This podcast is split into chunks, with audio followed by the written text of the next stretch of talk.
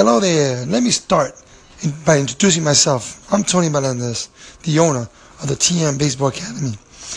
I'm excited to be announcing my launchment of the of my podcast. Hello there. Let me start by introducing myself.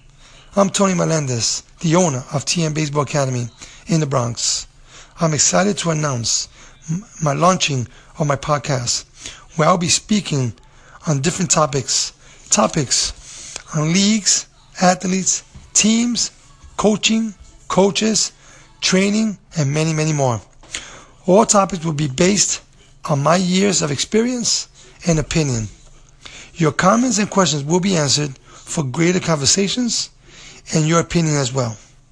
So stay tuned. Uh, this is Tony Melendez. Have a blessed day. Bye.